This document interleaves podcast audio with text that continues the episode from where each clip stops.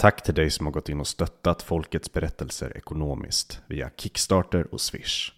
Vi vill rikta ett särskilt tack till Per Hallgren, Tom Engstedt, Erik Bergman, Henrik Jönsson, Johanna Hartman och Sebastian Tibbling.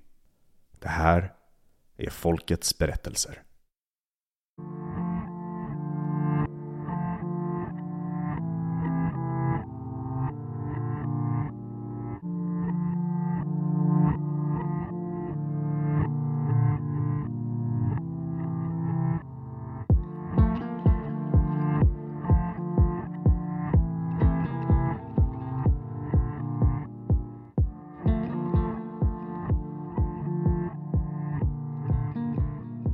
Det är sensommaren 1961. Dörren till lillstugan står öppen och genom fönstret ser jag Marianne, 13 år, sitta och rensa blåbär. Kom och hjälp till, ropar hon. Jag vill inte och försöker komma undan, men när pappa säger att jag ska avlösa Marianne så vet jag att det inte är någon idé att protestera. Snopen sätter jag mig vid bordet och tar över. Jag är tio år och jag har kupat potäter. Det gör jag så bra så att jag ofta får beröm för min insats. Nu vill jag hoppa längdhopp i jorden på de långa åkrarna. Det är bara det att pappa inte får se, för då får jag inte fortsätta. Galenskabber, säger han. Spräng inte och skettna ner dig. Jag brukar envist argumentera för min sak, trots att jag vet att det inte är någon idé. Ofta slutar det med att pappa ser till att jag försvinner upp på rummet. Och där sitter jag sedan hårt tryckt mot elementet för att inte frysa ihjäl. Och så läser jag mina läxor. Marianne är som av en annan sort. Hon gör liksom allt rätt. Hon gör det man ber henne om utan att protestera. Och inte bara det, hon gör det man inte ber henne om alldeles av sig själv. Som till exempel att diska. Vi plockar mycket bär, mest blåbär. Jag har varit med mamma så länge jag minns och jag är snabb i fingrarna och jag får ofta beröm. Igår plockade vi en full 10 liters spann. Vi höll på ända till åskan hotfullt började mullra. Då tog mor min yngste lillebror på armen och blåbärsspannen i handen. Och Marianne tog min andra lillebror i handen och så sprang vi hela vägen hem medan regnet öste ner. Väl hemma tog åskvädret i och mamma gjorde som alltid. Hon flyttade en köksstol in i kökshörnet under köksklockan och satt där och skakade av rädsla. Vi satte oss under bordet i rummet för att slippa se henne. När åskvädret var över så byggde vi den största pyramid vi kunde av de största blåbären vi hittat och gav dem till pappa när han kom hem från jobbet som murare. Ikväll ska Vanja komma hem med sin fästman.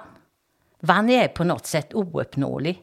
Hon är vacker och hon är tuff. Hon är klädd i en prickig vid kjol med spetsbrydd stärkt underkjol. Håret är bakåtkammat och stort. Hon är 19 år. Ikväll skärmade jag killen och får som belöning en stund i hans famn. Och jag somnar så tryggt och skönt när han sjunger Jag väntar vid min mila. Imorgon är pappa ledig. Då ska vi gå upp tidigt i ottan och åka till Norge. Vi åker till Norge en gång varje sommar. Vi åker taxidroska modell stor med vår egen chaufför. Vi åker via Bullaresjöarna upp till Vassbotten och så fort vi trampar norsk mark så stannar vi och handlar mjöl, socker och margarin. Ju fler i bilen, ju mer får vi köpa. Resan till Norge ersätter alla skolresor och utflykter som vi inte får följa med på. Jag upplever att det mesta är dyrt. Det händer att pappa ringer Riks. Då öppnar han ofta samtalet med att säga Vi får fatta oss Kurt för jag ringer Riks. Och sedan blir det inte så mycket mer sagt. Vi är självförsörjande på fläsk, ägg, mjölk och ost och potatis. Och vi har så det räcker till nästa år med blåbär och lingon. Far visade tydligt att skillnaden var stor mellan bondeförbundare, köpmän och den enkla arbetaren. Även jag som liten flicka visste det.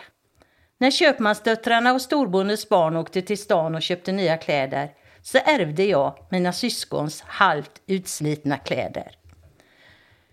Men är vi fattiga jag upplever att mamma och pappa är fattiga på pengar. Vi har inga böcker och vi har inga leksaker. Men jag är inte fattig. Hur skulle jag kunna vara det? Jag har sju syskon, ett liv på landet i ett litet torp, en verklighet kantad med såväl uppförslut som nedförslut på min slingrande stig mot vuxenlivet.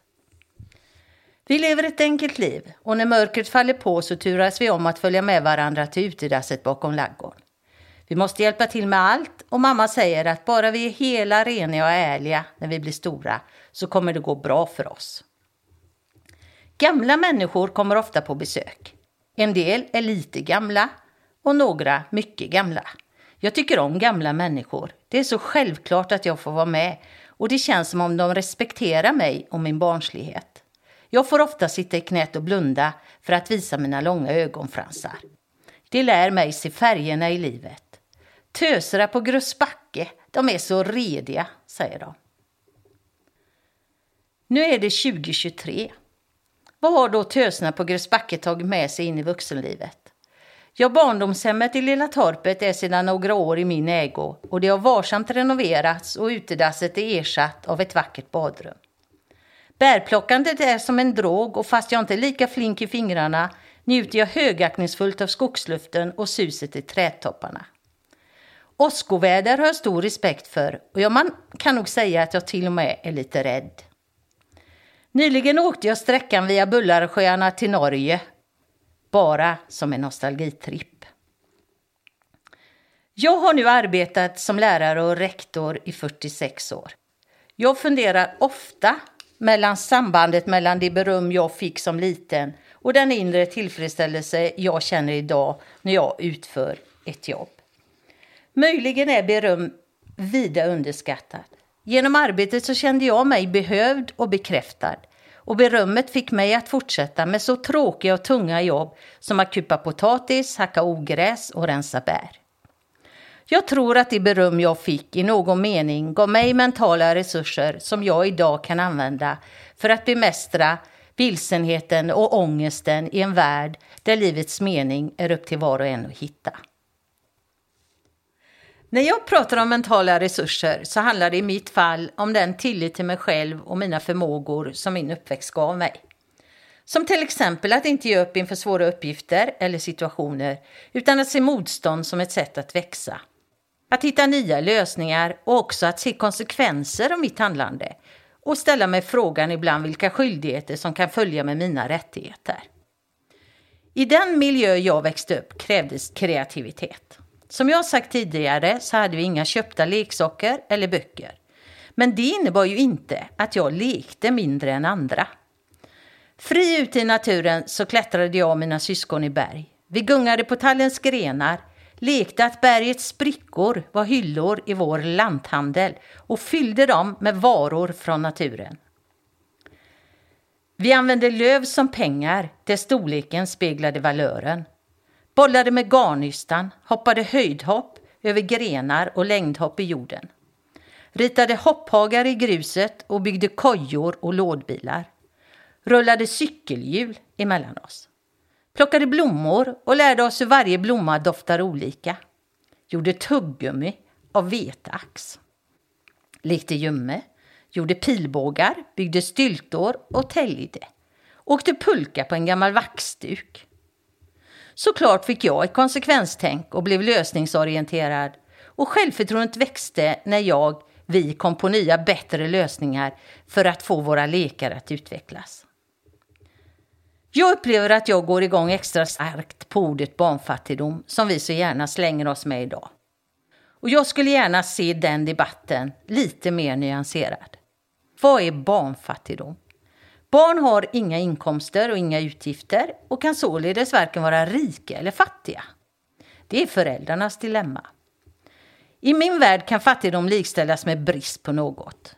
Genom mina erfarenheter som barn och i den yrkesvärld som jag har verkat kan jag med bestämdhet hävda att det är inget likhetstecken mellan ekonomiskt fattiga föräldrar och fattiga barn. Eller för den skull ekonomiskt rika föräldrar och rika barn. Finns det någon som någonsin har hört någon vuxen säga jag hade en så fin och rik barndom för vi hade så mycket pengar? Icke. Och i så fall så är de lätträknade. Såklart ska barn kunna äta sig mätta och dricka sig otörstiga. Där är vi helt överens. Med det sagt vill jag hävda att barn blir varken rika eller fattiga på pengar. Barn värdesätter helt andra saker, såsom omsorg i alla dess former, få vara delaktiga i vardagen, bli uppmärksammade och uppskattade. Sedda, lyssnade på och tagna på allvar. Få ovillkorlig kärlek från föräldrar och syskon och älskade precis som de är. Få vara i gemenskap med andra, leka och stoja med schyssta kompisar och vuxna. Få upptäcka naturen, få en hand i sin och få det stöd de behöver på sin väg mot vuxenlivet. Allt detta är gratis. Jag tror att det bidrar till att barn lär känna sig själva, en god självkänsla och ett gott självförtroende. Förhoppningsvis kommer dessa barn att känna sig tillräckligt bekväma i olika sociala sammanhang och vilja dela tankar och delta i gemenskap med andra. Det kommer att behövas i en värld som är stadd i ständig och snabb förändring och där de globala problemen är så stora att de inte går att lösa med några gammaldags metoder. Ledorden blir mod, livsaptit och entusiasm. Tilliten till mig själv och mina förmågor har gett mig mod att ta vara på mina erfarenheter, såväl bra som dåliga, och omsätta dem till vad som känns rätt och relevant för mig själv, mina barn och barnbarn och i den skolmiljö jag verkat. Att inte oreflekterat följa i andras fotspår, inte ens i professionens. Jag hoppas att jag i mitt yrkesliv har bidragit till att ge barn och ungdomar möjligheter att lyckas. Hur jag skulle vilja se framtidens skola, ja det är en berättelse för sig. Jag blir i alla fall glad när jag märker hur ungdomar har mod och framtidstro. Jag blir riktigt glad när jag ser glöd och entusiasm i mina barn och barnbarns ögon. Jag blir glad när människor har tid för varandra. Jag blir lycklig när jag ser mina barnbarns oförstörda blickar och deras livsaptit. Och jag blir alldeles, alldeles varm om hjärtat när mitt äldsta barnbarn, 11 år, under många år har velat höra mig berätta om min barndom och min uppväxt. Så många frågor, så många skratt.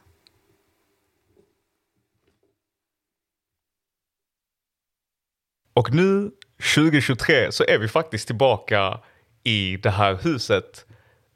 Saker och ting ser lite annorlunda ut, men minnen är ju fortfarande kvar. Jag sitter här med dig nu Ingrid och eh, på den här fantastiska platsen. Jag vet inte ens var jag ska börja och för att uttrycka egentligen vad, vad känslan är här för någonting. Kan du hjälpa mig lite?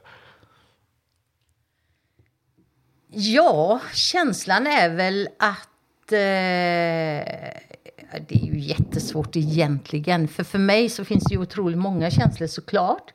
Det finns känslor, gamla känslor, känslor hur det var att växa upp här och vara barn. Men också allt det som har hänt sedan dess att jag tog över det här huset och gjort det till mitt. Hur länge har du bott här nu? Jag har bott här i drygt 25 år nu. 25 år. Okay. Och under de 25 åren kan man väl säga att jag har ja, men på olika sätt hållit på att renovera huset. För det såg inte och ut göra så här? det till mitt. Nej, alltså exteriört ser det ut i stort sett precis som det alltid har sett ut. Fönster sitter på samma ställen. Eh, huset är i stort sett likadant om man tittar utifrån. Eh, ladan finns kvar. Lillstugan är renoverad och har blivit lite modern. Men inne så har jag då tagit bort lite väggar för att göra det lite större. Jag har, ja, men eh, jag har gjort väldigt mycket inne. Alltså, Pappas eh, murade spis finns kvar, öppna spisen. Ser det. Eh, den har jag kvar. Vedspisen finns såklart kvar i köket. Men sen är det i stort sett nya golv, det är nytt kök, även om det ligger på samma ställe som det låg en gång. Kökssoffan som pappa låg i, den är naturligtvis borta. Skafferiet har flyttat lite. Lite granna. Det har flyttat lite, men det finns ett skafferi och det finns ett bakskåp här. Eh, så jag har försökt att bevara skärmen kan man säga och har velat eh, blanda gammalt och nytt så mycket som går. Och det känner jag verkligen när jag, när jag sitter här eller när vi, när vi körde in. Det är en sån otrolig plats, så nära naturen och samtidigt så har du gjort det till någonting som är ja, men, nyare för det här nya livet som, eh, som är. Jag kan ju bara föreställa mig många, många år tillbaka. Åtta barn som springer här runt omkring i skogen och i bergen. Hur, hur gjorde dina föräldrar för att kunna hålla koll på alla? Ja, det, de hade en hel massa knep egentligen för att hålla koll på oss. Eh, utomhus så fanns ju brunnsgubben. Ja, vadå? Ja, brunnsgubben. Brunnsgubben bodde i brunnen och han var väldigt farlig. Så vi fick aldrig vara nära brunnen. Um, och det var ju ett sätt såklart att vara rädd om oss. Uh, de visste att det var, det var en farlig plats för oss barn att vara på. Uh, och det var ju på ett sätt alldeles givet att de var tvungna att ha en mängd olika uh, saker som kunde hålla, hålla, ja, men hålla ordning på oss. För att vi hade hela tiden väldigt mycket att göra. Och pappa arbetade med mamma, hon skulle mjölka ko, hon skulle... Eh, vi hade får, hon eh, spann, garn, stickade sockar. Eh, ja, men det fanns hela tiden väldigt mycket att göra. Hon skulle mata grisarna, hon skulle koka grispotäter som pappa sa. Eh, så vi kunde ge dem. Sen hade vi något som hette bön. Och bön, han bodde i skogen. På, på när det blev mörkt ute så bodde bön i skogen. Så att det, då skulle vi ju inte närma oss skogen för vi var ju även ute på kvällarna såklart. Det var ju fritt, det var, det var fritt att vara. Och det var ganska mysigt att vara ute på kvällen. Men sen var det också så här att när pappa kom hem från jobbet så var han ganska trött. Alltså, med tanke på att det var ju han som hade försörjningsansvaret kan man säga. Så han var egen företagare. Um, han kallar sig själv för murare men ibland murarmästare. Uh, och, och för att få det lite lugnt på kvällen så fick vi sitta i töstmörkret. Och då släckte pappa ner och töstmörkret, det var alltså att man satt i mörkret och var tyst. Och då kröp vi in under bord och stolar i mörkret och så satt vi där och var tysta. Men i, ibland så satt vi kvällshuge. Och kvällshuge det var något annat. Det var att huka kväll. Och då, då var vi inte tysta utan då kunde pappa berätta hur det var på hans tid och om luffare och eh, om vilka som bodde i Gorosen eh, vid Lins mosse där, där eh, han berättade om att eh, eh, det var två vuxna människor, en, en eh, eh ja men två makar kan man säga då. Och där eh, när den ene kom ut så och pratade så båda kunde inte vara ute för de hade bara ett par byxor. Så att, så att när, när eh, frun då kom ut då var, tvungen, då var han tvungen att gå in och plocka av sig sina byxor och hon fick ta på sig sina. Det var sådana historier vi hörde när vi satt kvällshuge. Det var tuffa tider om man är Det var tuffa tider, men spännande tider. Spännande tider. Ja men otroligt. Och, och det är ju det jag hör dig säga nu här också med, alltså vara uppvuxen med alltså så många olika syskon och givetvis är ju livet annorlunda och upplevelsen annorlunda beroende på vem man är. Och, och, och jag har förstått att ni, eh, ni är åtta stycken och var i den här rangordningen eh, är du någonstans? Jag är nummer sex. Okej, okay, så nästan yngst? Ja, två yngre bröder. Okej. Okay. Och hur, hur upplevde du det med att bara ha ja, men, äldre syskon också? Det blir ju nästan som en, en förlängning av eh, föräldrarna, tänker jag. Ja, absolut så var det. Ja, men du har helt rätt i det. Alltså, det var ju väldigt mycket så att eh, vi eh, såg till varandra. Mm. Alltså väldigt mycket var det så. Att vi, vi hade ögon på varandra. Vi passade upp på varandra, vi passade varandra. Eh, jag blev tillsagd många gånger av mina äldre eh, syskon. Vad jag skulle göra och inte göra. Mm, det kan jag tänka mig. Ja, såklart. Men sen också lärde man ju så mycket. Alltså allt det här med att vi måste hjälpa. Vi, vi, vi var ju tvungna att hjälpa till väldigt, väldigt, väldigt mycket. Och jag tror också att det, när du frågade hur man höll ordning på oss, det var ett sätt också att hålla ordning på oss. Mm. Alltså att veta att jag är och kupa potäter, som jag säger. Ja. Eller att eh, någon rensar blåbär, ja. eller att någon hugger ved eller hämtar ved det är ju ett sätt att hålla reda på oss också. Så vi hade ju väldigt mycket uppgifter. Vi hade mycket att göra. Och det var också så att en del gillade ju eh, Ja, men vi fick göra det vi var bäst på känner jag på något sätt. För jag fick inte beröm för allting. Jag högg inte ved. Eh, medan brorsan han älskade att hugga ved. Och fick jättemycket beröm för det. Och också höll på med det ständigt. Det var det han gjorde, han högg ved. Väldigt, väldigt ofta. Medan jag då istället var väldigt flink på att plocka bär på sommartid. Men också väldigt duktig på att, att hacka i, i, ja men rensa, hacka. Eh, göra saker med mina händer som, som hade med naturen att göra. Det var jag jättebra på och det fick jag beröm för. Men jag fick inte beröm för att jag var duktig på att diska eller tvätta golv. Eller, för det var helt ämnat åt Marianne. Ja, det fanns en annan som skulle göra det. Det fanns någon annan som gjorde det mycket, mycket, mycket bättre. Så försökte jag att gå in där och diska ibland och försöka. Jag kände aldrig att jag fick något beröm så jag hoppade det. Du alltså, tänkte, det nej. spelade ju ingen roll. Varför skulle jag göra det om jag ändå inte fick någon uppmärksamhet för det? Så att jag gjorde inte det så mycket. Jag menar, det jag hör dig säga är också det här med att alltså, ett sätt att hålla koll på er är ju att hålla er så sysselsatta som det bara går. Absolut. Och det är också någonting fint med det känner jag, att ni ständigt, eh, ni ständigt är delaktiga i det Ja. vardagliga. Ni är ständigt med och påverkar också faktiskt ganska mycket med tanke på att det arbetet som ni utför eh, används liksom Ja. av familjen på ett eller Ja. annat sätt. Må det vara ved eller kanske någonting man hämtar eller mat eller vad det nu än är. Ja, vi var behövda. Vi, vi, vi bakade, mamma bakade allt bröd. Vi hade en, eh, en vedeldad ugn här nere i källaren. Och vi sprang, alltså mamma knackade ifrån källaren upp genom golvet här i vardagsrummet. Och då hörde vi när, när hon knackade, då skulle vi springa med ämnen kallas det. Alltså bak... Eh, eh, degen. Ja, ja, som hon hade ja. gjort i bollar som hon sen skulle kavla ut ner i källaren. Så när hon knackade, eftersom det var kallt nere i källaren, det var ju den vedeldade ugnen som, som såklart eh, eh, gav värme. Men då skulle vi ta de här ämnena och så springa ner i källaren och ge till henne. Och så kavlade hon och så stekte de i den vedeldade ugnen. Vi bakade minst en till två gånger i veckan. Wow. Ja. Vet, när jag hör dig säga de här grejerna, jag personligen tänker automatiskt, alltså du är ju uppvuxen på bara organisk mat.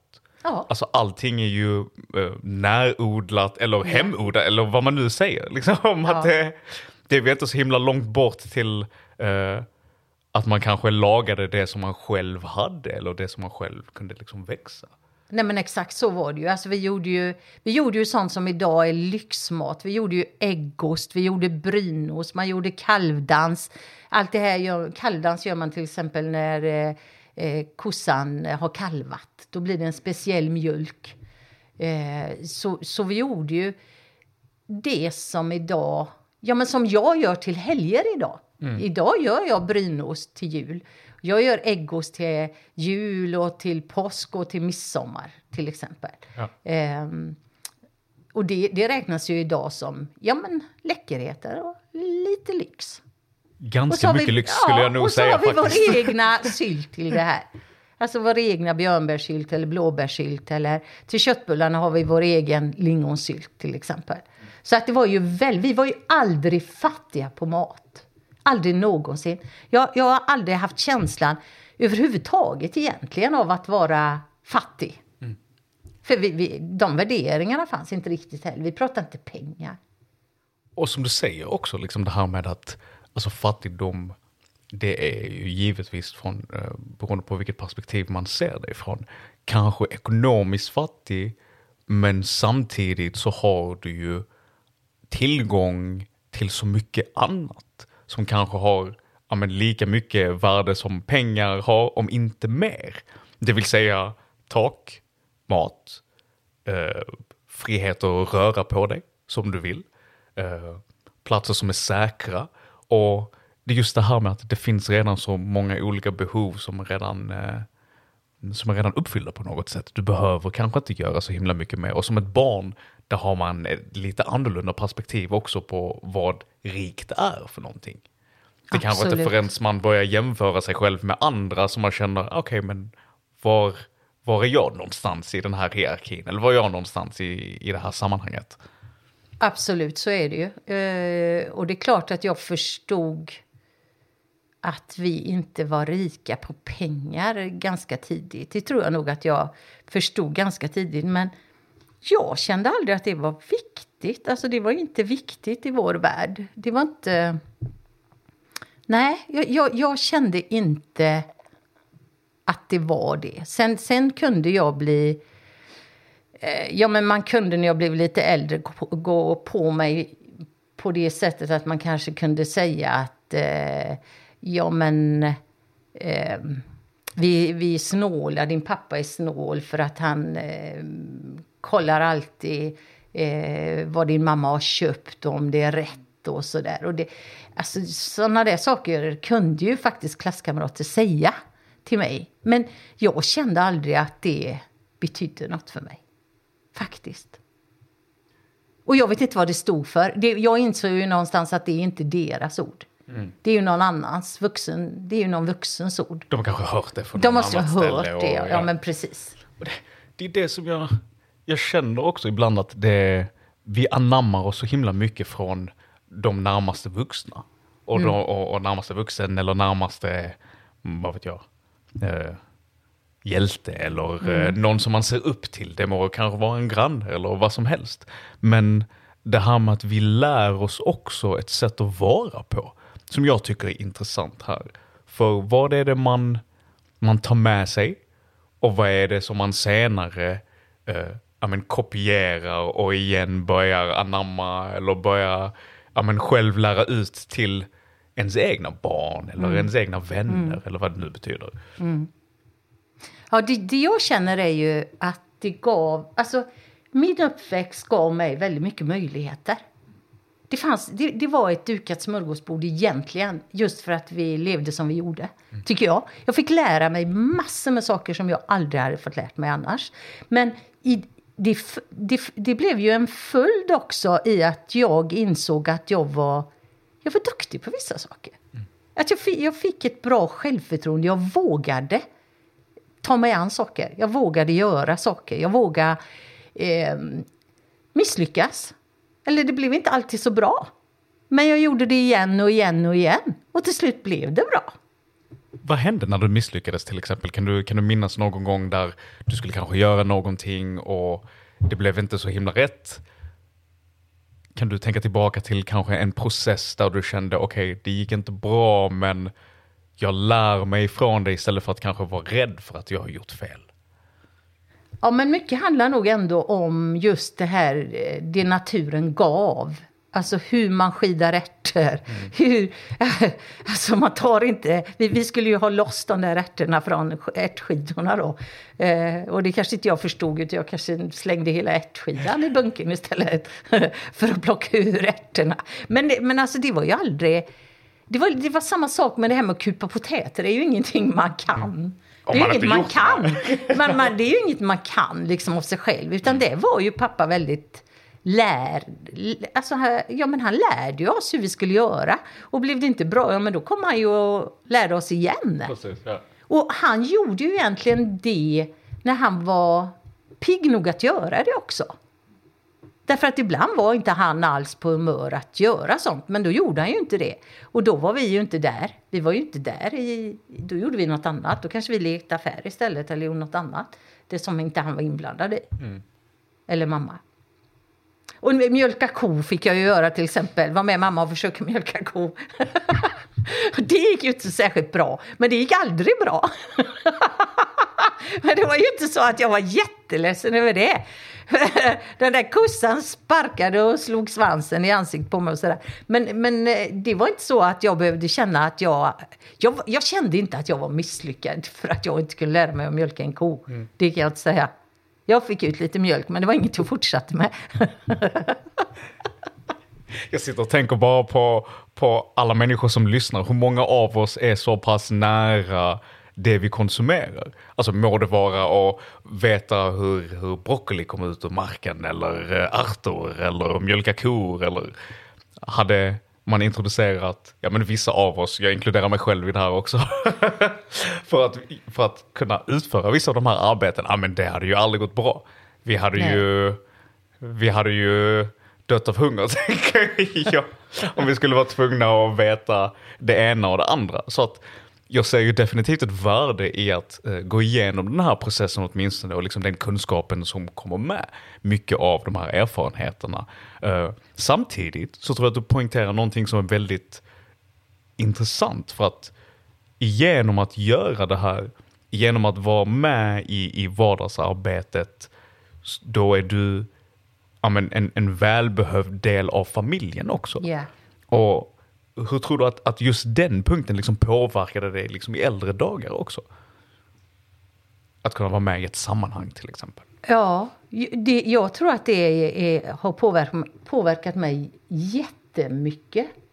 Därför att det, jag tror, alltså det tror jag är någonting som jag har haft med mig i hela min eh, yrkesroll också. Att få finnas i någon form av gemenskap. Att vi, vi är någon i relation till någon annan. Eh, och, och det tror jag är någonting som jag upplevde hela tiden. Alltså också att kunna, när man, när man får vara någon och när man betyder något, alltså man, man måste ju också stå upp för sig själv. Man måste vara ganska modig när man har sju syskon, varav fem är bröder. Man måste vara ganska, ja, man, man, måste, man blir lite tuff kan jag säga. Tror du att man- det hjälpte? Ja, ja, ja, ja, man man måste stå upp för sig själv. Man måste våga det. Och man måste också våga alltså se, eh, tycker jag det någon annan tycker? Eller, eller gör jag inte det? Vill jag gå en annan väg? Och det tror jag också man lär sig i det här samspelet som är så viktigt. Så jag tror nog att jag har haft med mig väldigt, väldigt mycket av det och vikten av det i framförallt när jag var lärare. Alltså när jag mötte mina, mina elever. Att få vara någon, att alltid få vara någon. Att alltid få känna att jag finns i ett sammanhang, jag betyder någonting. Det har ingen betydelse om jag är superduktig på matte eller om jag är bra på att baka sockerkaka eller om jag är en schysst kompis. Vi, vi, vi, det är inget värde, alltså vi värderar inte det. Utan det viktiga är att jag finns, jag får vara den jag är och ja, jag, jag, befinner mig i ett sammanhang som är viktigt. Och du, vi vill ha det här. Vi vill ha det här också. Att man känner sig behövd. Att man känner sig Ja. välkommen och man känner Ja. att man är, man är en del av någonting som är större än en själv. Att man Ja. bidrar till Ja. någonting också. Och jag ser det också som att, att ja, men barn och ungdomar har ju väl den utmaningen alltid, liksom att kunna hitta sin plats. Hur hittar vi vår plats här i livet? Eh, Antingen så visar någon vem man ska vara, hur du ska göra, hur du inte ska göra och så följer man efter helt enkelt i punkt och pricka. Samtidigt så har man andra sidan som kanske inte lyssnar på någon och gör sitt helt och hållet och är helt ute och cyklar. Men det är någonstans där mitt emellan som vi kanske hittar det som vi behöver. Att både kunna ta, alltså lyssna på andra personer och andra människor, ta till sig det de säger i ett sammanhang givetvis. Men också kunna våga gå en, ens egna väg. Liksom jag, det du säger får mig att tänka mycket på ja, men balans. Det får mig att tänka väldigt mycket på att kunna, kunna lära känna sig själv. Och, Ja. och hur gör man det om man inte, eh, om man inte vet vem man är? Helt enkelt. Det- jag tror ju att det, det är det som händer om du blir sedd, lyssnad på, får den kärlek du har rätt till. Eh, då, då blir du, alltså du, om du har rötter. Om du får rötter, då får du någon... Med det menar jag att om jag om jag finns i ett sammanhang, i- vi kan ta familjen eftersom det är enklast. Om jag känner mig sedd, behövd och älskad och får den kärlek som jag ovillkorligen har rätt till som barn egentligen, som alla har. ehm, då, då, då tror jag att du får en inre kompass. Alltså du får, du får rötter på det viset att du vill inte göra någon du vill inte göra någon illa. Eftersom du själv har blivit, fått mycket kärlek, du har blivit sedd, du har blivit lyssnad på. Du har fått, kanske ibland argumentera för din sak. Inte fått igenom allting, absolut all, inte alls. Men då tror jag också att du får rötter på något sätt. Du blir, du blir fast på något vis på ett tryggt och bra sätt. Precis, ja. Därför att du, du vill inte sen göra, om jag skulle välja en fel väg, en, en annan väg än vad mina föräldrar hade velat se mig, då hade jag ju sårat dem otroligt mycket. Jag hade gjort dem illa. Och jag tror någonstans att ett barn som får, hur var det Astrid Lindgren sa? Hon sa, ge ungarna kärlek, ge dem ännu mer kärlek och lite kärlek till så kommer folkvettet av sig själv. Alltså lite så tror jag att det är. Att om, om, vi, får, om vi får väldigt mycket av det som egentligen ja, men kallas omsorg. Omsorg. Så tror jag att vi kan få det självförtroende och den självkänsla som behövs för att kunna hitta den här balansen. Att både kunna stå upp för oss själva. Det, det är inget man kan från början kanske. Men om vi vågar ha mod nog att våga prova.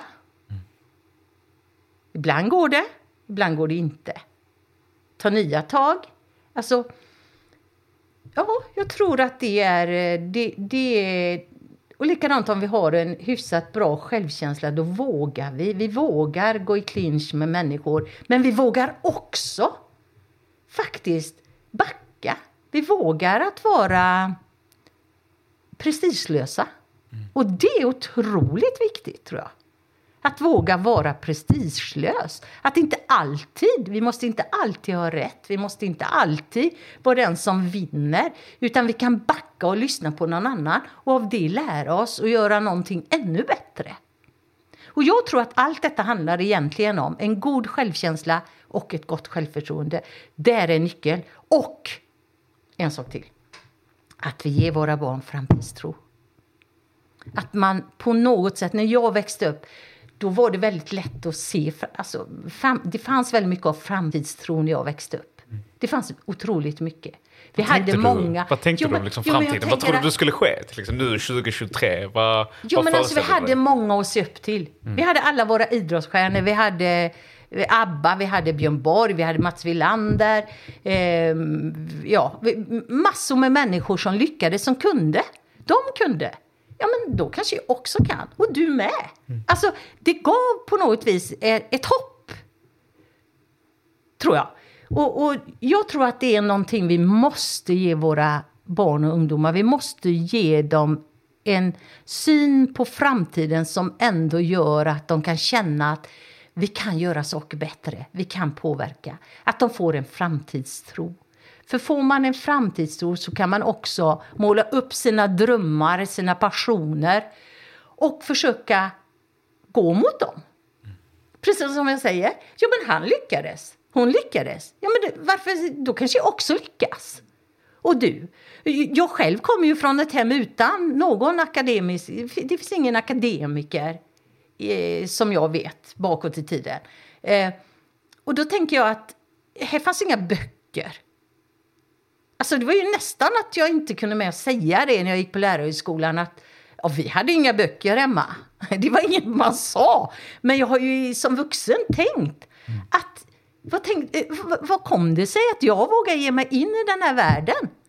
Jo, jag trodde på mig själv. Jag trodde på mig själv. Jag trodde att jag kunde. Jag såg så småningom också klart genom prov och betyg att ja, men jag var ju inte sämre än någon annan. Jag kan ju faktiskt det här. Vad var reaktionen hemifrån när du bestämde dig för att liksom studera eller plugga vidare? Alltså egentligen, inget särskilt. Vi var rediga då. Men inte, inte, det var aldrig någon som eh, pushade på eller tyckte att vi... För jag har ju också syskon som har gått ifrån lärlingar till att lära sig ett yrke den vägen. Och lyckats jättebra med det. Jag har syskon som har Eh, börjat i en, eh, ja, men på en eh, tapp till exempel och slutat som superduktig säljare. Eh, så vi har ju gått olika vägar. Och det tror jag också beror på att det var ingen... Alltså det var ingen som sa till oss att eh, ja, men du måste läsa, du vet Ingrid, du måste ta och läsa. Det var aldrig någon som sa. Aldrig, aldrig. Men, och när vi gjorde det så blev inte det det var inte så att Åh, vi har så rediga barn. Det var inte så att man pratade med andra om det. Det var andra som sa till oss, ja men ni är så duktiga där på Grötsbacke. Det var inte, det var inte mamma och pappa som sa. Det tror jag såg som eh, alltså, någonting ofint att säga. Jag tror att de... Nej, men det, det var inte så. Och sen kan jag väl säga att personligen så har jag haft jättenytta av nu ville jag ju läsa och, och bli lärare och så småningom rektor. Men jag kan ju säga att när jag tog över det här huset så är jag ju superglad vad jag har haft i mina händer. Och att jag har vågat lägga golv, tapetserat, tvätta hus, måla hus, bygga skafferi, bygga bakskåp. Det är sånt jag har gjort själv. What? Och det är ju inte så att jag, det är inte så att jag är född med, född med det och kan det från början. Utan det är såklart att jag, vå, jag vågar liksom ta mig an det. Jag vågar ta mig an det. Jag vågar prova. Mamma tapetserar alltid. Varför skulle jag inte kunna tap tapetsera? Klart jag kan tapetsera. Riva ner hela väggar och... ja, men alltså jag, det, jag, har, ja, jag har satt upp ribborna på, det, på huset här borta och sågat till dem också. Alltså, jag tycker inte, varför ska jag som kvinna inte kunna göra det så länge det inte handlar om att det är så tungt så jag inte orkar? Och det där har funnits i mig och det tror jag, det i kombination med då att faktiskt ha gått på högskola då. Eh, jag är ju jättenöjd med. Mm. Jag, är ju, jag, är ju, jag är ju lika nöjd kan jag säga att jag har renoverat det här torpet till vad, vad det är idag. Både ute och inne i, i form av både eh, ja, men tomten, trädgården, buskaträd som jag har planterat och det som finns inne idag. Jag är precis lika stolt över det som jag kan säga att jag är stolt över att jag har arbetat i skolan. För det är jag också väldigt stolt över. Det finns ett så, ett så stort värde i det, tror jag också. Ja. Hela processen med att både kunna koppla sig an till, till sig själv och sin egna, liksom, sin egen historia, men även hur det du pratar om självkänsla kan också påverka ja, men barn och ungdomar. För vi har ju allihopa alltså, ett behov av att lära känna oss själva yeah. och, och, bli bättre och kunna känna oss behövda och, och, starka i ett sammanhang. Och det är ju inte alltid det enklaste. Liksom, hur, hur gör man för att kunna hjälpa människor att ett, kunna se sig själva och vad de själva är bra på? För det tror jag är en, en gigantisk utmaning för ungdomar och barn och för alla människor egentligen. Ja, men, vad är jag bra på? Vad kan jag för mm, någonting? Mm. Vilket värde har jag att mm. bidra med egentligen? Mm. Men jag, jag, tror att det är, egentligen så tror jag att man kan utgå ifrån precis där man befinner sig som förälder. Alltså att låta barnen vara med i vardagen. Låta dem vara med, låta dem följa med till affären. Kanske få plocka i en egen korg. Kanske så småningom få läsa priserna och plussa ihop. Alltså, för låt dem vara med. Låt dem vara med och laga maten. Låt dem stå på en stol vid diskbänken. De kanske till och med kan få diska lite eller, eller rulla lite köttbullar. Alltså, det är egentligen ganska ofarligt. Låt dem vara med. Och det är klart att jag, kan, jag, jag förstår ju att ja, men många, många familjer har, tycker sig inte ha tiden. Mm. Men jag skulle nog önska att den tiden var li, precis lika värdefull som kanske annan tid vad nu kan vara man lägger tiden på, det vet jag inte. Men jag, jag, jag, skulle önska att man såg att den tiden är otroligt värdefull. Otroligt värdefull för att få barn som kan känna att de är både behövda men också kan känna att de klarar av saker. Att de får det där lilla berömmet. För en sak som jag vet att jag har pratat eh, med min eh, senaste chef en del om att jag fick vara lite extra noga som ledare eh, för att jag själv hade inte det där behovet av att bli klappad på axeln. Mm. Alltså jag kände, precis som jag tror att jag har sagt här, jag kände en inre tillfredsställelse. Jag, jag, visste vad jag kunde och vad jag inte kunde. Vad jag behövde lära mig, vad jag behövde lyssna på av andra eh, för att bli duktigare på. Jag, jag har aldrig känt att jag behöver det berömmet som vuxen. Mm. Men jag vet att jättemånga andra behöver det och ska få det såklart. Som, men jag tror också att det finns en del i att man vet inte vad man är bra på, precis som du säger. Jag visste någonstans vad jag, ja, men vad jag kan och inte kan. För det är ju precis lika viktigt att veta vad man inte kan. Väldigt eller, viktigt. eller åtminstone eh, veta att här, här blev inte resultatet bra, då kan jag lära mig något av det. Och så gör jag på ett annat sätt. Gör jag som jag alltid har gjort så får jag det jag alltid har fått. Men, men om jag ändrar på lite, kan gå någon annan liten väg här, så kanske jag får ett annat resultat som blir väldigt mycket bättre. Och, och jag tror att det ligger väldigt mycket att eh, ha, vet man inte, kan, känner man inte sig själv tillräckligt väl så behöver du väldigt mycket och under mycket längre tid den bekräftelsen av andra. Och det kan ju följa dig hela livet egentligen. Och då är det ju viktigt att vi ser de här människorna. För alla, jag menar, de behövs ju likväl och kanske gör ett fantastiskt jobb. Men de behöver den här klappen, de behöver det här att de är bra och de är duktiga. De har Man svårt kan. att tro på det i alla fall kanske. Och det är ledsamt, det, för mig kan det kännas ledsamt. Men det är också en, en verklighet för, för många tror Ja, jag. Liksom det jag här tror med att eh, inte riktigt veta inte riktigt veta hur man passar in. Ja. Inte riktigt veta vad man ska göra, inte riktigt veta hur man ska stå på sig eller inte riktigt veta hur, vad, man, vad man har för värde egentligen. Ja. För att det handlar om, ja, men vad, vem är jag i det här sammanhanget om jag inte kanske har någonting att bidra med vad jag gör här? Ja. Om jag inte riktigt kan göra någonting eller förbättra eller, och nu drar vi det kanske till sin spets, Ja, men, jag. Men, eh, essensen av det är att säga att, att vara en del av någonting, någonting som du kan bidra till, kommer hjälpa dig också att utvecklas och förbättras och, och växa på ett eller annat sätt. Eh, det är inte enkelt, tror Nej. jag. Det är varken enkelt att hitta sin plats här i livet eller skapa sin plats här i livet. Eller eh, behålla sin plats här i livet om det är det man vill också. Mm. Men det- den, den här, de här utmaningarna tror jag är oundvikliga också. Man måste kanske kämpa för sin sak. Men att hitta den orken och stödet och kärleken och för att kunna nå fram till sina mål är ju en otroligt lång process. Eh, Tror du kanske att det är mycket att begära med tanke på att vi har så mycket utmaningar? Jag tänker bara på, ja, men, du har ju varit lärare till exempel, ungdomar idag eller ungdomarna när, eh, när vi var unga ska jag säga. det är ju helt olika förutsättningar. Ja. Mm. Eh, Alltså jag tror, jag tror också att skolan har en otrolig betydelse här. Därför att jag tror att... Alltså, vi vet inte hur våra barn har det hemma i många fall.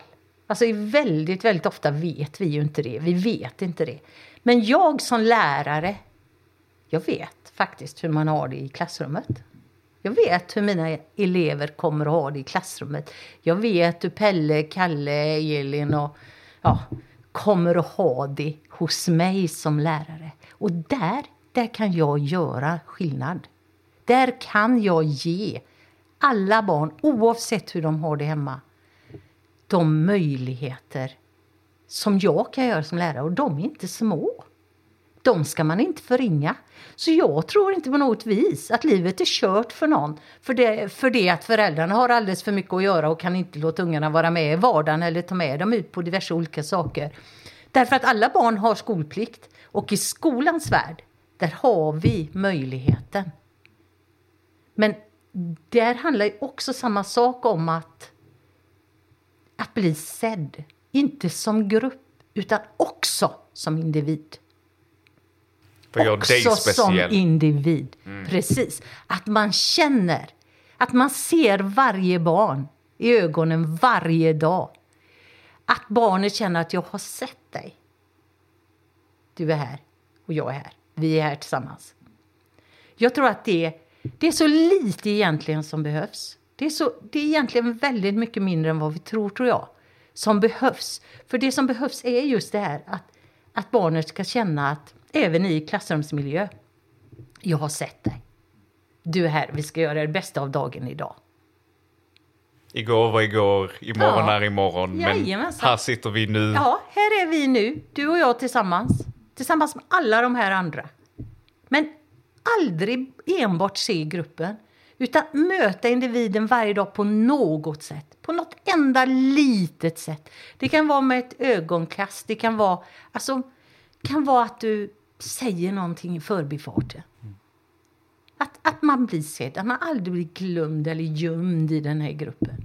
Utan att du finns.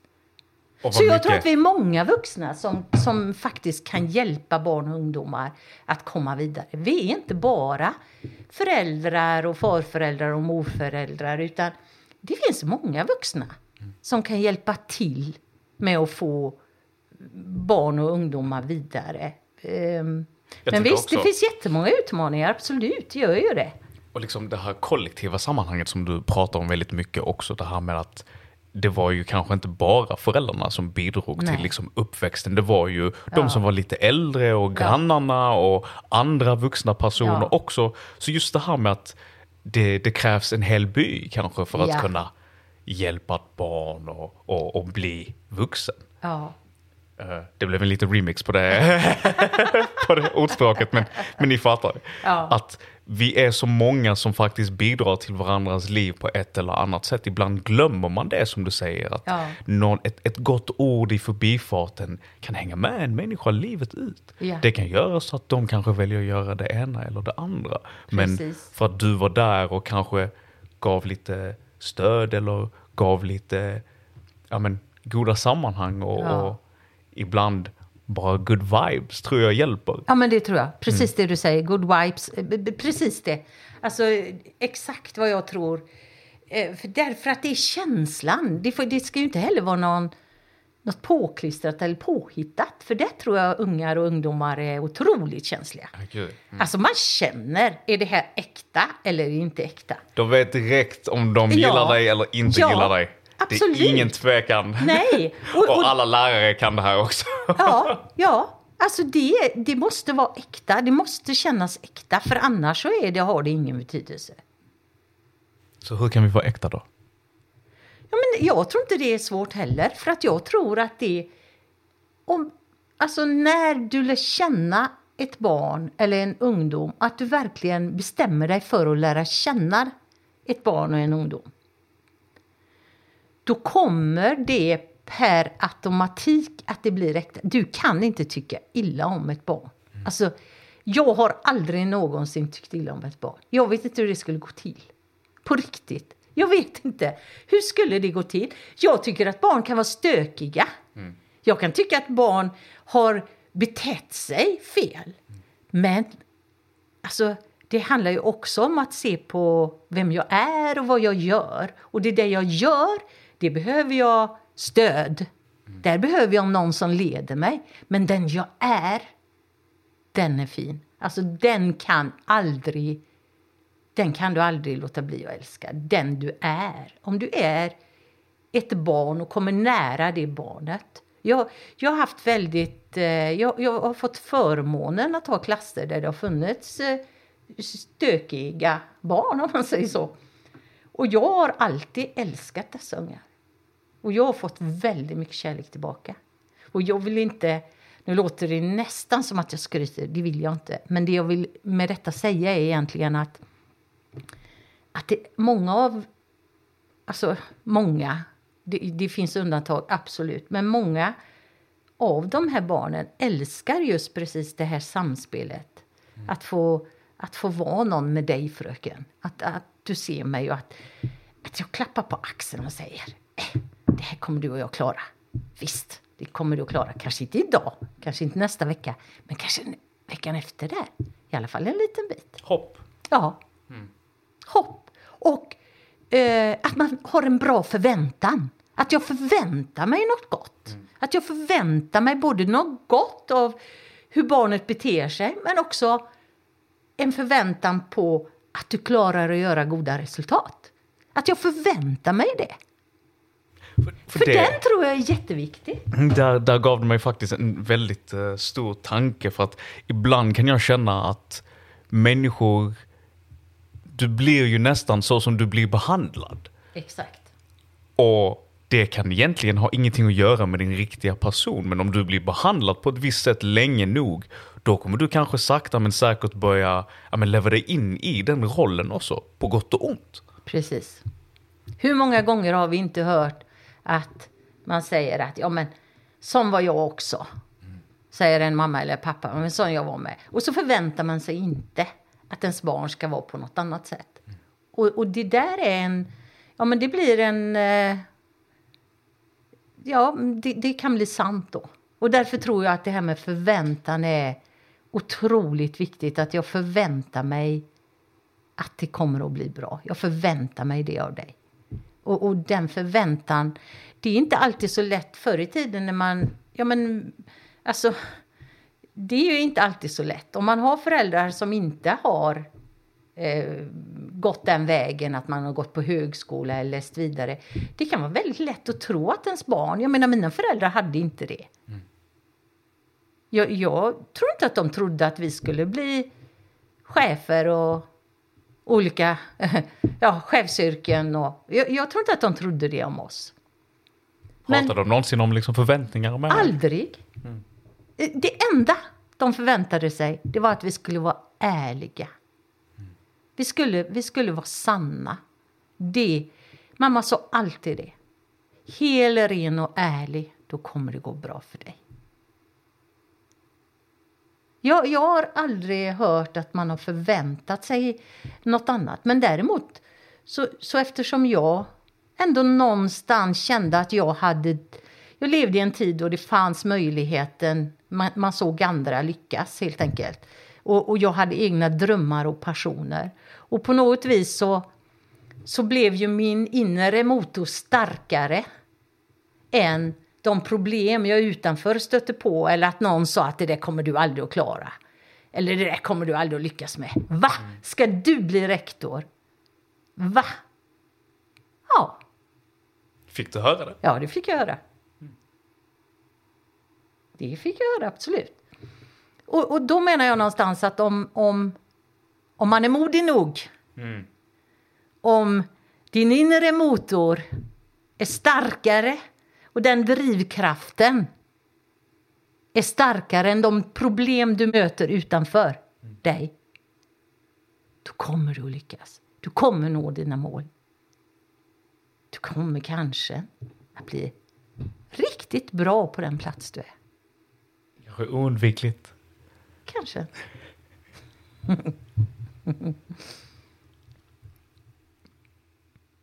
Du pratar jättemycket om, om självkänsla, om mod, livsaptit, entusiasm och jag känner mig också liksom inspirerad när jag sitter här och pratar med dig också om de, alla de här olika sakerna för att ja men, det är nästan svårt att inte tänka på framtiden och, och var alla barn och alla ungdomar ska ta vägen någonstans.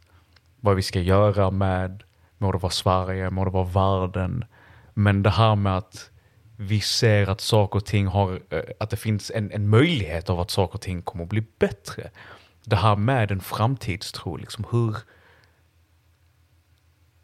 hur kan vi bibehålla det här när det är så många olika krafter och makter och nu har man till exempel sociala medier och det ena och det andra som kanske inte hjälper en med självkänslan eller inte hjälper en att kunna veta vem man är.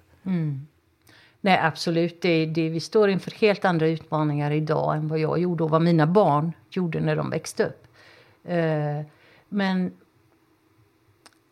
men någonstans så tror jag ändå att man är tillbaka till det lilla barnet. Alltså om vi går tillbaka till det lilla barnet. Så en sak som jag har tyckt har varit, och jag vet att det är jättemånga, säkert eh, hel massa människor som inte håller med mig där. Men det jag har tyckt har varit otroligt viktigt det är att barn får vara barn. Att barn, in, att barn slipper, när de är barn, eh, få se hur eländig världen är. Att de får slippa det. Barn, har, barn kan inte axla det. Varför ska barn veta det? De kan inte ta något ansvar för det. Det är vi vuxna som måste göra det. Och då tycker jag, bara den starten, att få slippa ha oro, ha ängslan. Eh, och det kan vi styra. Vi behöver inte låta våra barn vara på några sociala medier eller se några hemska saker eller, eller titta på Lilla Aktuellt eller vad det nu kan vara för något. Vi, vi behöver inte göra det. Vi kan ta våra barn i hand, gå ut i naturen, gå ut och hoppa, alltså göra vad som helst. Spelar ingen roll om du bor i en storstad eller i en, um, ute på landet. Alltså, vi kan faktiskt tycker jag, lite skydda våra barn ifrån verkligheten. För jag menar att så länge vi inte kan ta ansvar för verkligheten när vi är små, varför ska vi då vara oroas och ängslas för den? Det ger oss inte en framtidstro eller en bra självkänsla eller ett gott självförtroende. Det, det, det håller ju oss nere snarare. Och jag tror att vi kan börja väldigt, väldigt tidigt. Och om vi börjar väldigt tidigt då har i alla fall när man går ut i de här, möter verkligheten, ja men då kanske vi också kan hjälpa när man börjar bli lite äldre, eh, barn att, ja men att kunna se vad är, vad är sant och vad är inte sant? Alltså man, man, man får ju så otroligt mycket i ansiktet. Mm. Alltså du får så otroligt mycket från sociala medier. Då behöver vi ju lära också, det är också en skolas uppgift att lära barn att sovra och källgranska och komma till vad, alltså, behöver vi veta allt det här och behöver vi vara överallt? Eh, och måste jag, mår jag ens bra av det? Det kanske är så att det lilla jag kan göra, det ska jag göra och det mår jag bra på. Mår jag bra av. För att vi kan alla göra någonting. Om vi tror att vi ska greppa hela världen, då, då tror jag att vi mår väldigt, väldigt dåligt. För det finns ingen som kan göra det. Alltså det är så otroligt många saker som händer. Eh, så att vi kan, vi, vi måste få, vi måste någonstans få hjälpa till med det lilla vi kan och det är gott nog. Det är gott nog. Nej men låt, låt barn få slå sönder sina egna illusioner. Alltså, Låt dem, låt dem få ha sina illusioner, sina drömmar och värdera aldrig det. Värdera aldrig.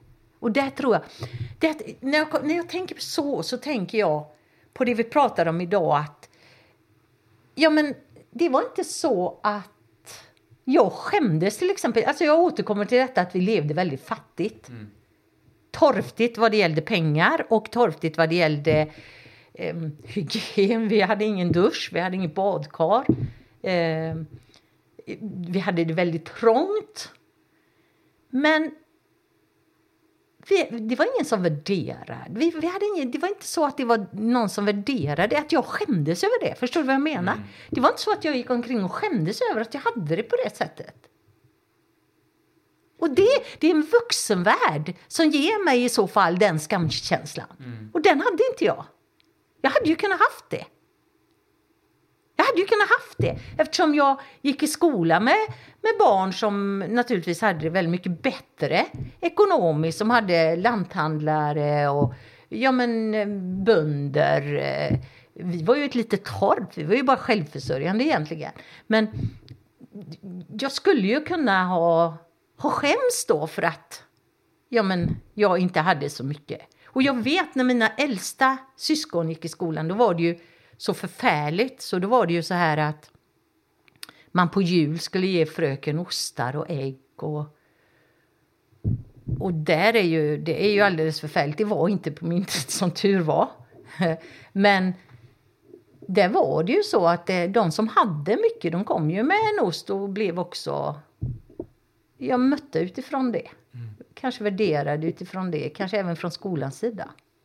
Jag har hört skräckhistorier om det, jag vill inte ens berätta dem men eh, men alltså jag, jag, jag, tror att det här med att värdera, det, det ligger i de vuxnas ansvar att inte, inte jämföra och värdera saker inför ett barn. Att hålla det för sig själv då. då. Vi till exempel, jag menar, när vi satt i tustmörkret eller kvällssuget, det var ju inte för att det var ju inte enbart för att hålla reda på oss, det var ju också för att dra ner på elkostnaden. Smart. Det begriper ju jag. Det är ju jättesmart. Smart. Ibland hörde vi ju bara eh, våra element, alltså vi eldade med ved nere i källaren och vi hörde hur det kokade för pappa hade lagt på lite för mycket så vi satt och lyssnade på det ljudet. Jag menar, det var jättesmart. Men det var ju inte så att pappa sa att nu har elräkningen dragit iväg för långt så nu ungar, nu får ni sätta er under bordet här och släcker vi alla ljus. Det var inte så han sa. Han sa att vi ska sätta i töstmörkret eller att vi ska ha kvällssuge.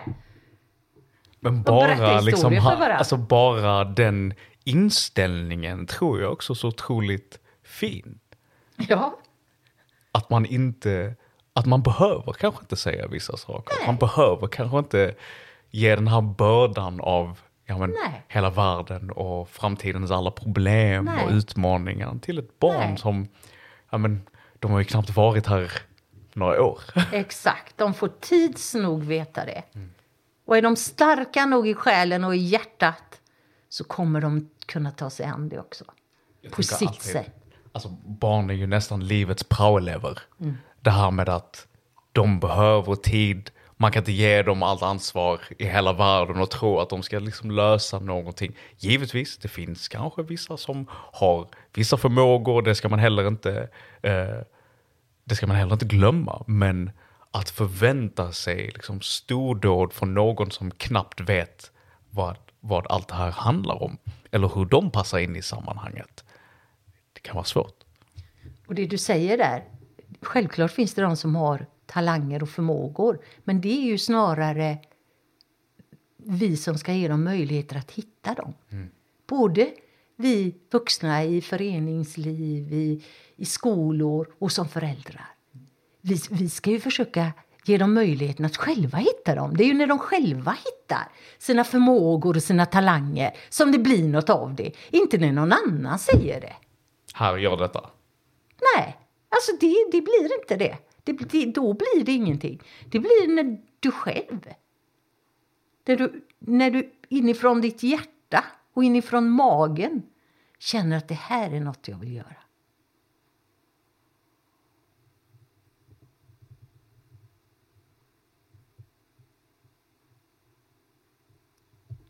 Låt oss tänka fritt här, Ingrid. Om du hade kunnat ändra på, låt oss säga, skolan. En liten tanke bara.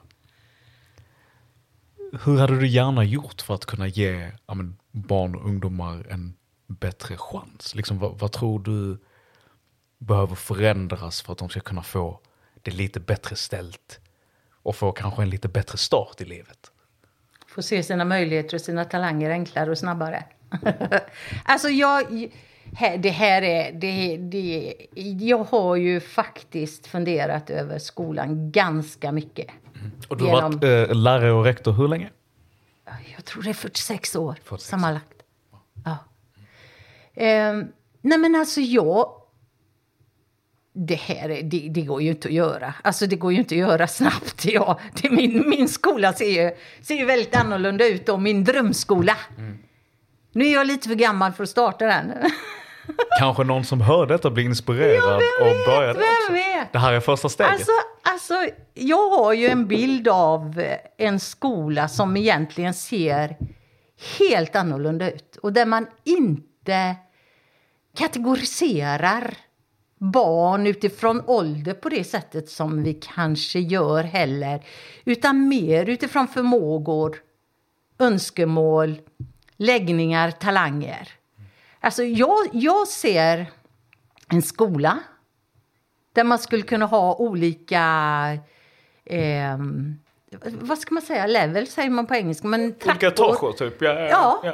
Olika eh, våningar. Där man säger att man har, man, man har en grund såklart. Det måste ju alla ha. Men, men vi har en grund att stå på. Vi kan läsa, vi kan skriva, vi kan siffror och räkna och så vidare. Men att man sen kan få gå vidare i sin takt. Och det här, jag inser ju, det här kräver ju otroliga resurser. Och, men, men sen när jag tänker efter så kanske det kanske faktiskt inte gör det. Jag tänker efter nu. Om vi nu ska tänka fritt. Jag tänker så här, vi har en elev som är superduktig på, vi kan säga på att skriva då. På att skriva, älskar att skriva. Och, och så låter vi det här barnet eh, få läsa och skriva i den takt och i, som de själva vill, alltså välja de böcker de själva vill. Och, och så småningom så är ju det här barnet på en nivå där de andra barnen i samma ålder kanske inte alls är. Då ska det finnas en möjlighet att ta ett steg upp. Och ett steg upp där, ja men då finns det en lärare som är otroligt intresserad av just det här med att skriva och läsa och ord och forma, alltså formulera sig och kanske göra mm, ja, men olika typer av som har med, med språket att göra. Alltså det kan vara film, det kan vara allt möjligt. Och så får man finnas här i, i den här miljön där de här människorna är väldigt entusiastiska och lyckliga över att du finns här och är så intresserade av det här. Med all din talang Ja, och all din och förmåga. smittar det. Så smittar det liksom. Så småningom så kanske en, det, det utvecklas till att ja, men jag skulle vilja göra en film. Ja, men nästa steg, ja då möter man en, en filmare här uppe. Här sitter en filmare. På tredje våningen till exempel. Ja. Precis! Som kan ta hand om dig. Eller, eller en författare för att du vill, skulle vilja skriva din första lilla berättelse, din första lilla bok. Eller din första lilla, ja vad det nu kan vara för något. Och så har du någon som är väldigt, väldigt duktig. Och det här skulle man då kunna göra i, i allting så småningom. Så träffar du doktoranter, de sitter inte på sina universitet. I ett hus där ingen någonsin träffar dem nästan. Eller de som är riktigt duktiga. De sitter här, de kommer, de kommer hit när du behöver dem. De finns där uppe högst upp. De är riktigt duktiga som kan få dig vidare. Och det har ju ingen betydelse vilken ålder du är. Utan det har ju mycket mer betydelse vilka intressen och vilka... Eh, och, och, mm, alltså, sen får man ju inte missa allt det andra. Jag menar ju inte att vi ska missa kemin och fysiken och allt det här för det. Men att vi ska kunna få utvecklas i våra talanger, i våra begåvningar på ett mycket mer fritt sätt och möta människor som är de där riktigt, riktigt, riktigt duktiga. Och möta dem där de är, tror jag är Precis. det jag hör dig säga. Möta Ja. dem där de befinner sig. Exakt. Möta dem där de befinner sig, utmana, så de kan ta ett steg till. Och, och få, alltså då får de också människor att se upp till. De får ju människor att se upp till. Om jag får möta en producent och själv och producera, då har jag ju någon att se upp till. Om jag får möta en författare som jag känner till, som jag har läst massa böcker av. Alltså, jag har ju någon att följa, jag har någon att se upp till, jag har någon som jag kanske vill lyssna extra noga på. Och vilken inspiration och vilken tillgång till Precis. kunskap. Och vet vad? Det kostar absolut ingenting att drömma. Nej, exakt. Och, och drömmar ska man inte värdera. Var det inte det vi sa? Så min drömskola ser ut som en, en, en stor glob mitt på torget. Och där eh, är det utbildningsrätt. Det ska vara så roligt att gå dit så att folk bara vill dit. Man måste ha lista för att komma in. Man behöver inte ha skolplikt längre. Man behöver inte ha skolplikt, man har inga hemmasittare förhoppningsvis. Därför att den här skolan, den är så rolig. Du har rätt att gå där. Och du vill så gärna dit. För att du vet att du kan få fortsätta lite med det du hade börjat på. Eller det du har kommit på att du ska gå vidare med. För här finns människor som kan möta dig, ta emot dig. Som gläds åt precis din talang eller din förmåga. Vad tror du en sån här plats hade gjort med samhället om det var, om det var riktigt? Ja, men jag tror att det hade gett oss mycket färre misslyckade människor. Alltså, då menar inte jag misslyckade människor, eh, för de finns inte, men människor som känner, har en känsla av att misslyckas. Den känslan, det är den som förtar människor. Alla människor behövs. Vi har olika förmågor, vi har olika talanger, vi kan olika saker. Vi behövs alla i ett samhälle för att få det att fungera. Men jag tror att vi skulle hitta det vi är bra på på ett helt annat sätt. Och kunna utveckla det vi är bra på. För det vi är bra på, det trivs vi ofta med. Och det får vi kanske oftast beröm för också. Precis. Och så fortsätter vi med det. Och det Exakt. blir en god cirkel av något slag. Exakt. otroligt inspirerande. Jag hoppas att eh, alla som lyssnar på det här ute, det kanske inte är en av oss som, som gör det, det kanske är några stycken, men jag tror definitivt att skolan och, och tillgången till kunskap och hur vi kan lära oss behöver ju också ändras med tiden. Ja. Och vem det är som kommer göra detta, jag tror att många kan bidra till den här förändringen. Vi ser det ju redan i skolan eh, under coronatiden till exempel, där skolan var ju tvungen att göra en större förändring kring hur de, ja, hur de har lektioner och vad man kan göra. Vilket också, eh, samma sak hände ju i arbets, eh, arbetslivet för alla människor som, som jobbade eller vad det nu var. Eh, så jag ser vissa av de här förändringarna av, av, av vara liksom oundvikliga på något sätt. Och det handlar mer om vad är det vi vill åstadkomma för någonting? Vad är det vi vill med skolan? Varför skickar vi våra barn så många timmar till en plats om vi inte känner att det bidrar med någonting? Både för dem själva men även för samhället också. Och jag tror att vi måste våga, åtminstone våga börja drömma. Exakt. Eller börja våga drömma. Där har vi det.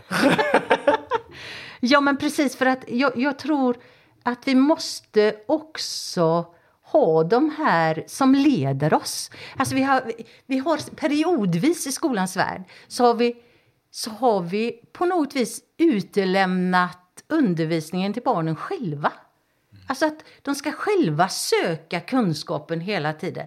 Jag, jag tror att det finns de som, som är duktiga på det, såklart. Men de som inte är det, de kan inte känna sig lyckade. Faktiskt. Och därför tror jag att vi behöver ge det stöd som varje människa behöver utifrån förebilder. Och när jag menar förebild menar jag någon som är duktig på just det. Att, att på samma sak som jag när jag var liten fick ett smörgåsbord av, av allt det här praktiska, om man säger så.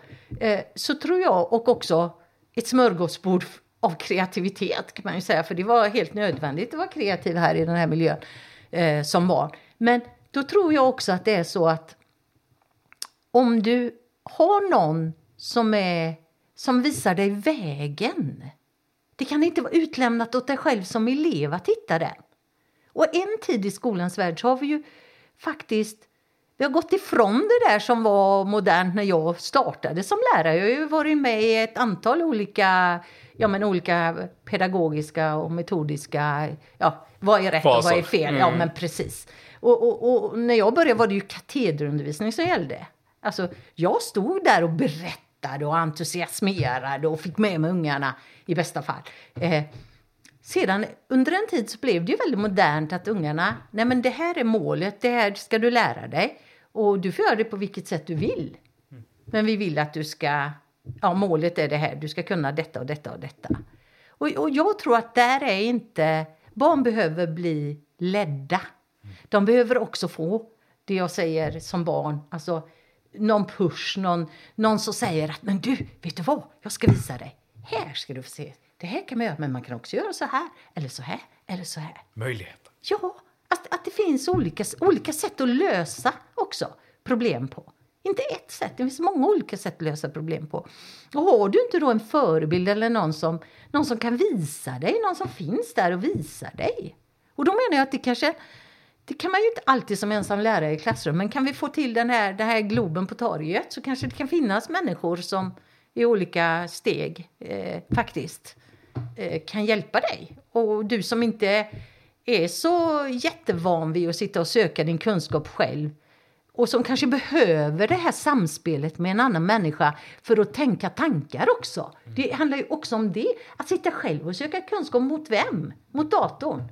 Alltså om jag nu sitter och pratar med dig, då ger ju du mig någonting som jag kan reflektera över och kanske relatera till och, och det blir ett samtal av det. Det blir det inte om jag sitter vid datorn och skapar mig min, min kunskap. Alltså jättebra i vissa sammanhang, men det är inte nog. Mm. Och hela anledningen egentligen till varför vi sitter här idag eh, har ju inte ens med det att göra. Nej. På sätt och vis inte. På sätt och vis inte.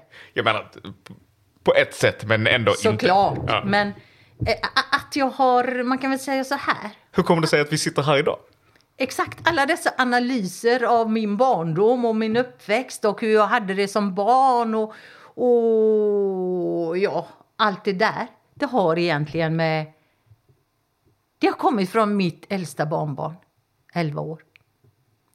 Hon har från det att hon var, ja, alltså tre års ålder tror jag. Så har hon velat höra mig berätta om min uppväxt, hur det var när jag var barn. Och vi har varit ganska mycket tillsammans, veckovis. Varje kväll så vill hon höra. Sitter vi i bilen. Farmor, du kan väl berätta då? Berätta om när du var barn. Det är inte alltid helt enkelt.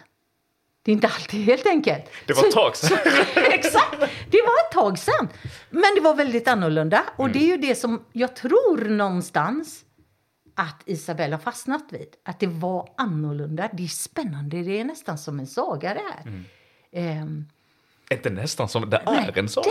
det är en saga. Det är en saga. Och eh, med alla hennes frågor och allt roligt vi har haft med det här. Alltså vi skrattar så otroligt mycket åt banala berättelser. Eh, och det har gjort att jag någonstans har blivit lite tvungen att se tillbaka. Fundera, ja men hur var det nu då? Hur, var min, hur såg det ut när jag var barn? För att jag skulle ha något att berätta nästa gång. Mm.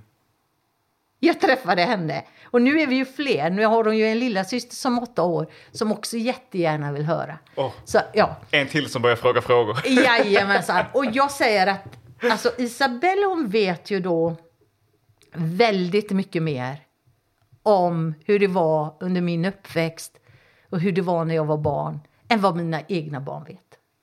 De har aldrig någonsin ställt de här frågorna som hon gör. De vet inte så mycket som hon, men hon är den som vet om mitt liv bakåt i tiden. Hon är den som har varit så intresserad, som tycker det är så kul. Alltså det är så häftigt. Det är Ja. så häftigt att se att, ja men, hur ska jag ens uttrycka det här? Att din framtid har gått tillbaka eller gjort så att du går tillbaka i din egen barndom för att titta tillbaka till nuet och hur det är och hur allting har påverkat allting annat. Ja. Det blir liksom lite av en tidsresa fram och tillbaka i tiden. Absolut. Dels blir det alla dessa berättelser och alla dessa skratt.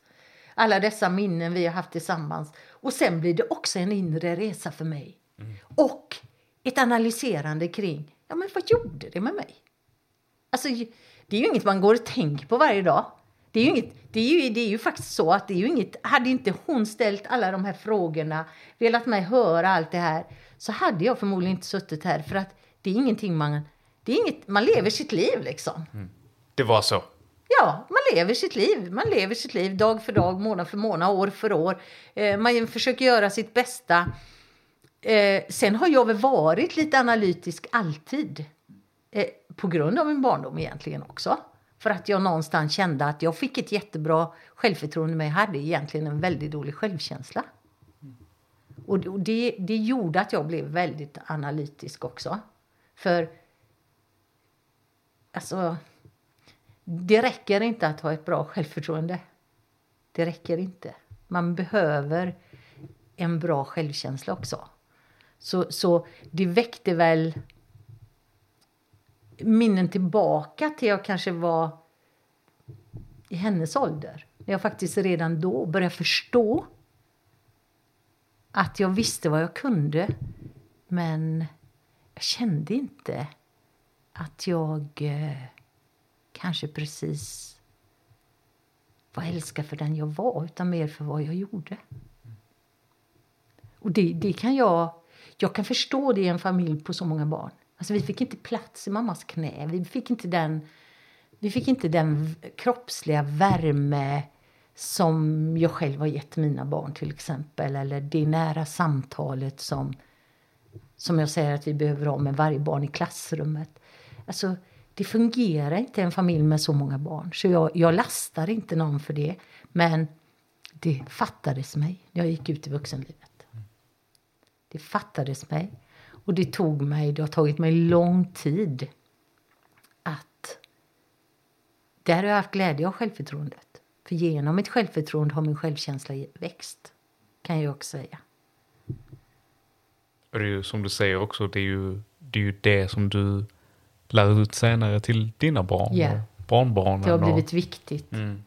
Det har blivit viktigt för mig. För jag tror ju någonstans att har mina barn och barnbarn en tillräckligt god självkänsla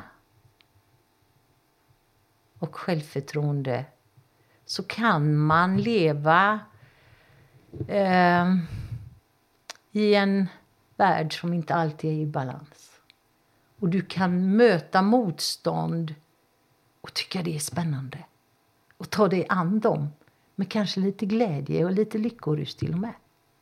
Därför att du vågar, du har mod nog att göra det.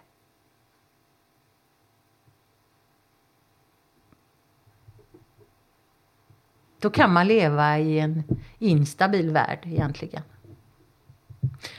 Återigen där, att du har en inre kompass och rötter. Du vet det finns människor som älskar dig, som gör allt för dig. Jag tror att sånt följer med generationer också. Faktiskt. Så kärlek, kärlek och ännu mer kärlek. Precis. Då får ungarna folkvett.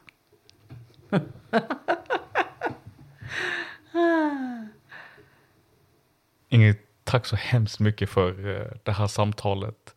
Är det, är det någonting som du vill, eh, någonting annat som du vill säga till folket?